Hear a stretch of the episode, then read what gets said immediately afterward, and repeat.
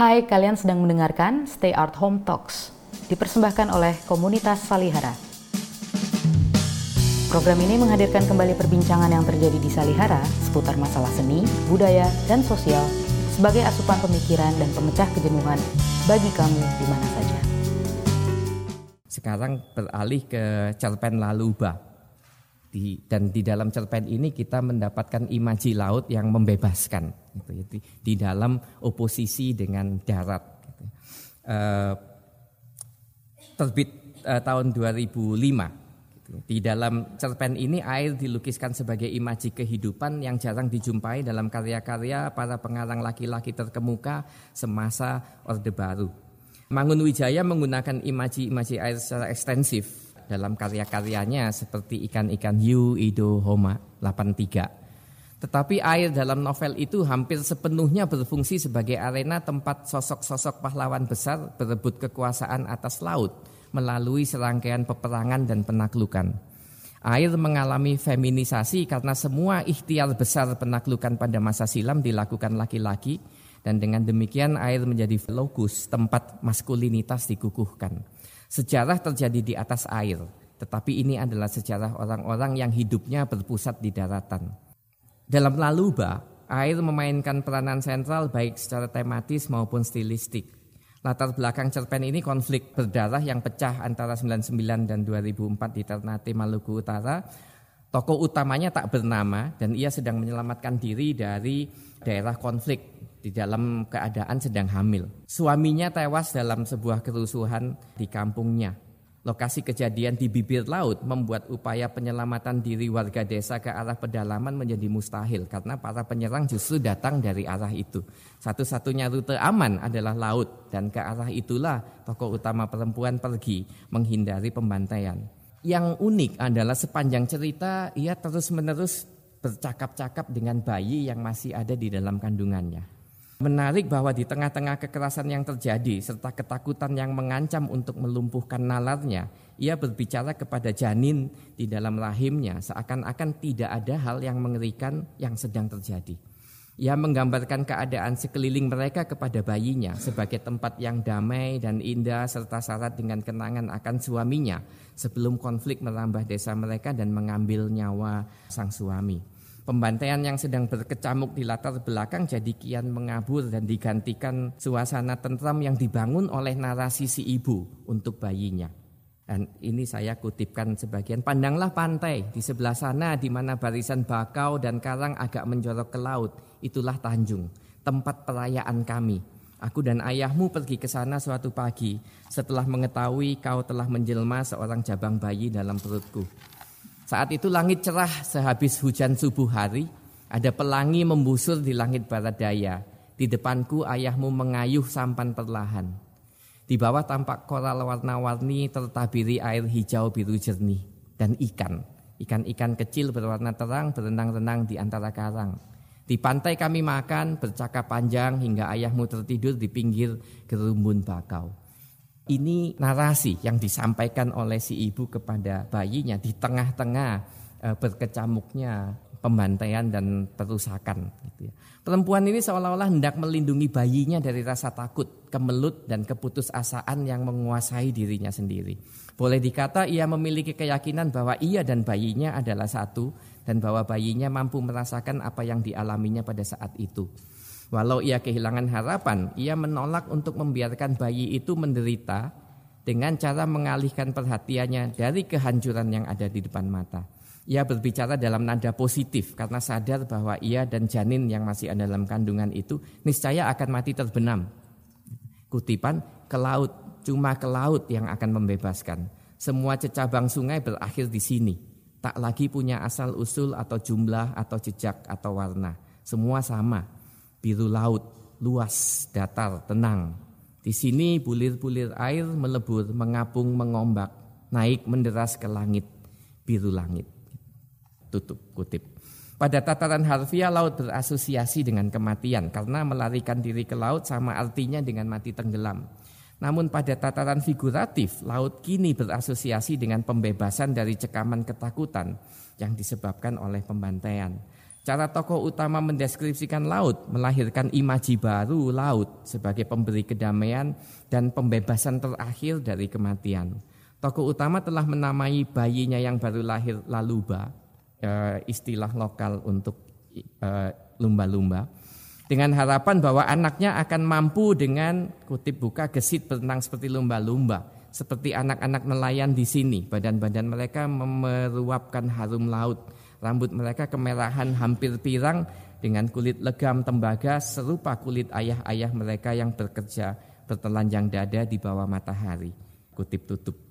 Apalagi yang dapat diharapkan oleh seorang ibu yang dihimpit keputusasaan selain agar anaknya dapat bergerak dan hidup di air seperti ikan. Dalam keadaan terluka oleh anak panah, tokoh utama ini terus melangkah memasuki air. Ia dapat membedakan dengan jelas bau air payau dan bau darah yang mengalir dari lukanya maupun bau anyir darah yang tertumpah di desanya. Disesalnya fakta bahwa bayinya tak akan pernah punya kesempatan untuk hidup normal dan damai. Maafkan mereka anakku, katanya. Lelaki-lelaki itu cuma tak pernah merasai membawa-bawa kehidupan di dalam tubuhnya. Seperti perempuan mengandung. Mereka membawa-bawa kematian di lengan dan jari-jari. Namun tak dibiarkannya kebencian dan amarah menguasai dirinya serta membentuk anaknya menjadi manusia pendendam seperti orang-orang yang sedang saling bantai di pantai sana. Kematian mereka berdua akan memutus rantai kekerasan yang diwariskan dari generasi ke generasi. Ibu dan anak mencari perlindungan pada dunia imajiner tempat mereka menyatu tanpa intervensi laki-laki. Hanya dua sosok orang itu. Tubuh ibu yang dalam kacamata patriarki dianggap sebagai objek atau tempat buangan, dalam cerpen ini berubah menjadi tempat ibu dan anak bercakap-cakap intim dalam bahasa yang tidak dikendalikan oleh patriarki. Ruang semiotis yang oleh Julia Kristeva digambarkan sebagai tempat imajiner yang secara eksklusif dihuni hanya oleh ibu dan bayinya ini adalah tempat meleburnya dualisme-dualisme Sarana komunikasi yang ada pada tahap ini adalah bahasa ibu atau mother tongue yang ada sebelum hadirnya bahasa simbolis. Walaupun dalam cerita suara tokoh utama mengalami verbalisasi sepanjang waktu, kita selalu membaca kata-kata si ibu kepada anaknya. Ia sebenarnya berkomunikasi dengan bayinya dalam kebisuan. Dikotomi Kristeva atas ranah semiotik sebagai wilayah eksklusif ibu dan anak di satu pihak dan ranah simbolik sebagai wilayah kekuasaan ayah di pihak lain dirombak dalam cerpen ini ketika mendiang suami si tokoh utama muncul dalam bentuk penampakan di mata tokoh itu. Mungkin ini merupakan petanda tibanya kematian. Namun jika Kristeva mengasosiasikan yang semiotis dengan femininitas dan yang simbolik dengan maskulinitas, dalam Laluba sosok suami atau ayah tidak ditampilkan sebagai sosok tiran, persatuan kembali ayah, ibu, dan anak ini tidak serta-merta menandai hadirnya warisan doktrin Orde Baru tentang keluarga sempurna yang terdiri atas ayah, ibu, dan anak, melainkan lebih sebagai afirmasi bagi semangat manusia untuk saling mengasihi. Tangan si suami yang terulur menyambut mereka berdua dilukiskan tokoh utama kepada bayinya sebagai tangan kutip buka putih halus membawakan buah jambu merah muda ranum berair samudra. Kata-kata terakhir si ibu kepada bayinya ini adalah sebuah ajakan untuk menerima uluran tangan ayahnya. Menerima kematian sebagai sesuatu yang manis dan memberikan kelegaan. E, karena kini mereka bertiga akan bersatu kembali.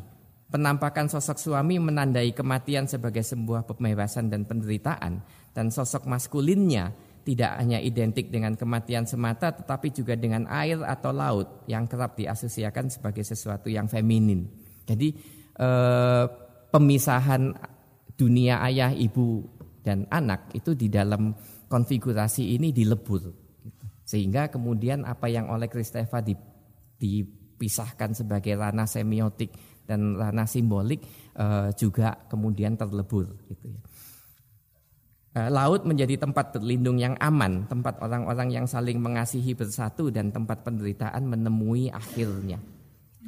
Sekarang ke yang ketiga, lelaki beraroma kebun yang menyampaikan gagasan bagaimana pinggiran itu punya kemampuan untuk mengubah pusat. Dalam cerpen ini Linda Kristanti juga memakai imaji air meski peranannya dalam membangun alur cerita tidak sedominan dalam Laluba. Kisah berpusat pada Halifa yang mengunjungi kampung halamannya di Bangka sesudah ia pergi selama 15 tahun meninggalkan pulau itu. Pulau itu telah banyak berubah dan nyaris tak ada lagi yang melekat dalam ingatan tentang masa kecilnya di pulau itu kecuali orang tua yang dulu mengurusi kebun rumahnya. Orang tua itu adalah satu-satunya mata rantai yang menghubungkan dirinya dengan masa lalu. Halifah tampaknya tidak terlalu terikat pada kampungnya dan berpikir bahwa ikatan emosionalnya dengan Bangka terlalu lemah untuk membuatnya ingin tinggal lebih lama di situ. Selain tukang kebun, kenangan lain yang tinggal dalam benaknya adalah deburan ombak di malam hari. Keluarganya dulu tinggal di tepi pantai dan bagi Halifah dulu suara ombak itu terdengar seperti nyanyian. Ini kutipan. Namun pulau itu tak lagi tampak sama di matanya. Yang dilihatnya, yang dilihatnya kini adalah tambang-tambang timah tua yang telah ditinggalkan. Baginya kembali ke Bangka berarti adalah mengunjungi kembali masa lalu yang telah hilang. Ia dan pulaunya kini menjadi asing terhadap satu sama lain. Bangka sedang mati pelan-pelan seperti juga si tukang kebun tua yang sudah sakit-sakitan. Pulau itu dicemari oleh aktivitas pertambangan yang menyebabkan kerusakan pada sungai-sungainya. Ayahnya mengirim Halifah ke Jawa agar ia dapat kutip buka menemukan nasibnya sendiri dengan berjuang di rantau. Karena ia menganggap hidup di pulau kecil hanya akan melahirkan pikiran yang sempit. Itulah sebabnya mengapa ia merasa bangga pada dirinya sendiri ketika kembali ke kampung halamannya. Karena ia bukan lagi gadis kecil manja yang dulu dikenal oleh si tukang kebun. Ia kini telah tumbuh menjadi seorang perempuan dewasa yang ditempa kerja keras di tanah rantau dan yang memiliki keluasan wawasan akibat asam garam asam garam perantauan yang dikecapnya. Jadi sejak awal Halifah telah menciptakan jarak dari pulaunya sendiri. Bangka diasosiasikan dengan yang kecil baik dari segi ukuran fisik maupun dari segi kemampuannya untuk membuka wawasan penduduknya. Sementara itu di pihak lain, ia kini sudah menjadi warga metropolis yang berasosiasi dengan kemajuan. Tukang kebun tua dengan aroma tubuhnya yang khas adalah satu-satunya jembatan penghubung Khalifah dengan kampung halamannya. Meskipun Jakarta secara fisik absen dari keseluruhan cerpen ini, kota itu tetap hadir secara dominan di dalam kesadaran gadis itu. Menyeretnya masuk kutip buka ke dalam irama kota dan arus kerja yang mengikis rasa rindunya pada tanah kelahiran. Ia tak lagi merasa punya ikatan apa-apa dengan pulau ini kecuali kenangan dan sejarah keluarga. Kutip tutup. Hanya tukang kebun yang tak berubah di matanya dan belakangan diketahuinya laki-laki tua itu masih merupakan kerabat yang cukup dekat. Hanya aroma tukang kebun itu yang mampu menahan tarikan kota yang mengancam untuk memutus sama sekali hubungan Halifah dengan pulaunya. Aroma tubuh itu menolak untuk pudar dan justru menjelma menjadi kutip buka aroma segar pohon-pohon tropis yang terbawa angin yang masih menyertainya di jalanan di bis, di kantor, di kamar kontrakan, dan di tempat-tempat baru yang pertama kali dikunjunginya. Kutip tutup. Riwayat keluarga yang ditutupkan tukang kebun itu kepadanya membuatnya sadar bahwa seberapapun besarnya daya tarik kota, ada sebagian dari dirinya yang akan selamanya hidup dan tak akan turut mati bersama dengan matinya pulau itu. Boleh jadi Halifah berutang budi kepada kota yang memberinya hidup dalam perantauannya. Tetapi ia berutang sama besarnya kepada pulau yang telah menjaga riwayat keluarganya agar tetap hidup, tersimpan aman dalam aroma kebun yang menubuh pada diri si tukang kebun tua dan mengikuti Halifah ke mana pun ia pergi. Lelaki beraroma kebun adalah kisah hubungan yang tak mudah antara kepulauan dan ibu kota atau antara pinggiran dan pusat dalam konfigurasi Indonesia modern. Walaupun negeri ini secara fisik dibentuk oleh ribuan pulau, sentralitas Jawa dan Jakarta begitu dominan dalam psike bangsa sehingga banyak orang cenderung memandang negeri mereka ini sebagai sebuah masa daratan yang maha luas, alih-alih sebuah mosaik atau fragmen-fragmen daratan yang dipisahkan sembari dihubungkan antara satu dengan lainnya oleh air. Laut dalam hal ini berfungsi menjadi perekat. Halifah di lain pihak merupakan manifestasi psike kontinental ia adalah perwujudan manusia Indonesia kontemporer yang telah kehilangan hubungan dengan aspek kepulauan dari negeri tempat hidupnya sebagai harga yang harus dibayar untuk kemajuan. Kepulauan baginya adalah warisan masa silam dan kegagalan. yang terserak dalam ribuan serpian kecil yang tak saling sebangun dan yang bisa menimbulkan rasa gamang bagi seorang manusia modern yang mencoba menemukan keutuhan dalam upayanya memahami kemajuan. Lebih dari satu dasawarsa setelah berakhirnya Orde Baru, internalisasi ideologi persatuan telah menjadi sedemikian berurat akar sehingga sangat sulit bagi bangsa ini untuk kembali melihat dirinya sebagai potongan-potongan sebuah pasel raksasa yang di masa silam dikenal sebagai Nusantara. Pergulakan Khalifah untuk mempertahankan apa yang masih tersisa dari hubungannya dengan tanah kelahirannya mewakili upaya yang dilakukan sedikit orang untuk menata kembali latar arsitektonik negeri ini dalam imajinasi warganya. Pada saat yang sama ada kesadaran pahit bahwa upaya semacam itu tak akan sepenuhnya bisa terwujud karena hanya sedikit yang tersisa dari memori tentang kepulauan tersebut. Hal yang sangat menarik tentang cerpen ini adalah bagaimana sisa-sisa memori itu mewujudkan dirinya dalam bentuk imaji olfaktoris yang terkait dengan indera penciuman, alih-alih visual. Ketika imaji visual pulau itu perlahan-lahan mengabur dari benak Khalifah, bau khas kebun yang menjadi metonimi pulau tetap terpatri dalam kesadarannya. Peliknya persoalan mengembalikan supremasi kepulauan dalam benak bangsa diatasi dengan cara menggeser strategi imajinasi dari visual ke olfaktoris. Sehingga terciptalah cara baru yang orisinal untuk membawa paradigma kepulauan itu ke garis depan kesadaran. Aroma kebun yang berkaitan dengan tanaman dan pohon dibenturkan dengan hidup sehari-hari Khalifah di kota besar yang sama sekali tidak berasosiasi dengan alam. Imaji kepulauan semacam ini dengan demikian menjadi sumber tenaga baru dalam psike tokoh utama untuk memperbarui imajinasinya tentang ibu kota dan bukan sebaliknya. Sebagai penutup, dalam novel Hana Rambe dan beserta dua cerpen karya Nukilan dan Linda, pembaca menjumpai potret tanah air yang dirusak oleh keserakahan, konflik sosial, dan ideologi persatuan yang dicekokkan oleh negara yang tak mampu menghargai alam serta keberagaman. Tanah air menjadi kancah pertarungan antara berbagai kekuatan dan kepentingan. Karya-karya yang diulas dalam tulisan ini mengingatkan kita bahwa Indonesia bukanlah sesuatu yang stabil dan monolitis. Karya-karya ini menawarkan cara baru untuk memahami negeri kepulauan ini dengan memperhitungkan arsitektoniknya yang terfragmentasi dan terserak serta dinamika tanah dan airnya. Dari segi ini karya-karya ketiga pengarang ini mampu menghadirkan sisi solid maupun cair dalam karakteristik kebangsaan yang berbeda secara fundamental dengan potret yang diciptakan banyak pengarang pada masa Orde Baru. Dengan caranya masing-masing mereka ini mengajukan cara pandang alternatif untuk menghidupkan kembali kemajemukan yang cair sebagai kerangka utama untuk mendefinisikan ulang bangsa sesudah era Soeharto berakhir. Keterlibatan literer ketiga pengarang ini telah mengembalikan paradigma kepulauan sebagai arus utama dalam berbagai isu besar yang dewasa ini dihadapi bangsa. Kerusakan lingkungan, konflik antar etnik dan antar agama, sentralitas Jakarta yang berlebihan. Warna lokal muncul tidak dalam rupa pemujaan atau sebagai siasat untuk menyerang Jakarta, melainkan sebagai sarana untuk berbicara kepada pusat, untuk mengingatkan bahwa ada banyak persoalan terjadi di pulau-pulau non jauh yang diabaikan Jakarta. Daya tahan tinggi yang dimiliki penduduk lokal di pulau-pulau itu dalam menghadapi penghancuran dan pengabaian merefleksikan apa makna kepulauan itu bagi ketiga pengarang ini.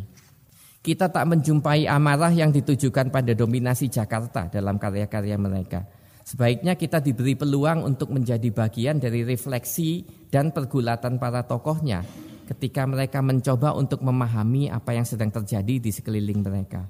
Bahkan dalam pertarungan yang berisikan kritik terbuka terhadap Jakarta, alur cerita lebih terfokus pada bagaimana penduduk setempat asli maupun transmigran berusaha melakukan hal terbaik yang dapat mereka tempuh untuk tidak membuat situasi menjadi lebih buruk daripada menumpahkan frustrasi mereka kepada Jakarta.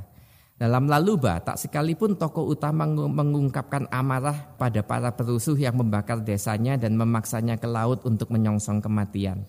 Yang menghabiskan saat-saat terakhir hidupnya untuk menghibur bayinya dan menceritakan laut kepadanya sebagai tempat pengungsian yang aman, bukan tempat kematian.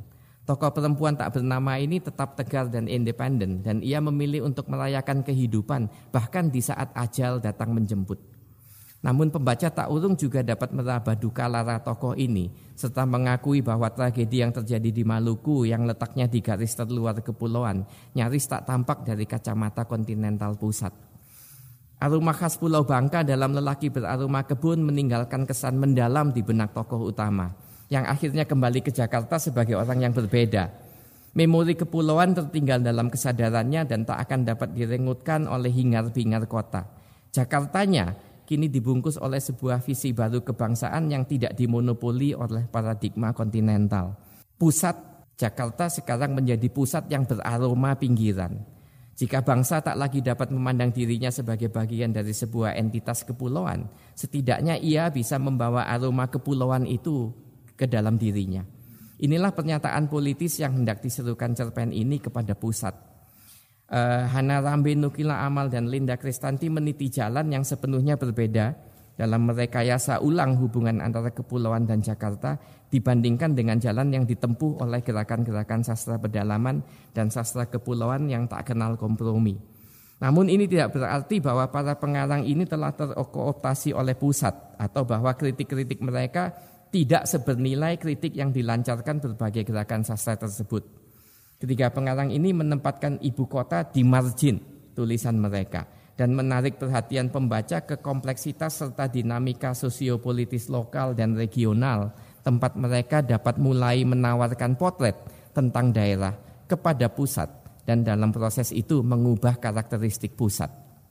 Karya-karya mereka berfungsi sebagai pembuka mata bagi Jakarta, alih-alih sebagai pesan yang ditujukan kepada warga bangsa yang mendiami pulau-pulau luar yang jauh. Mereka tidak mengabaikan Jakarta atau berpura-pura menganggapnya tak ada. Mereka tidak menciptakan percakapan di antara mereka sendiri dengan tujuan untuk mengucilkan pusat. Tulisan para pengarang ini adalah teguran sekaligus sapaan terhadap pusat. Dengan demikian mereka membantu meruntuhkan dinding-dinding psikologis yang menghalangi pandangan mata orang Jakarta ke ruang-ruang bangsa di luar ibu kota dan di luar Pulau Jawa. Mereka juga menuntut Jakarta untuk turut memikul tanggung jawab lebih besar atas apa yang terjadi di pulau-pulau terpencil itu apabila Jakarta sungguh-sungguh mau menjadi kota yang merepresentasikan nasion. Ibu kota sebagai pusat tidak absen sama sekali dari keseluruhan potret yang mereka buat tetapi kini ia bukan lagi menjadi faktor penentu, apalagi faktor satu-satunya dalam perjalanan bangsa menuju ke takdirnya. Terima kasih.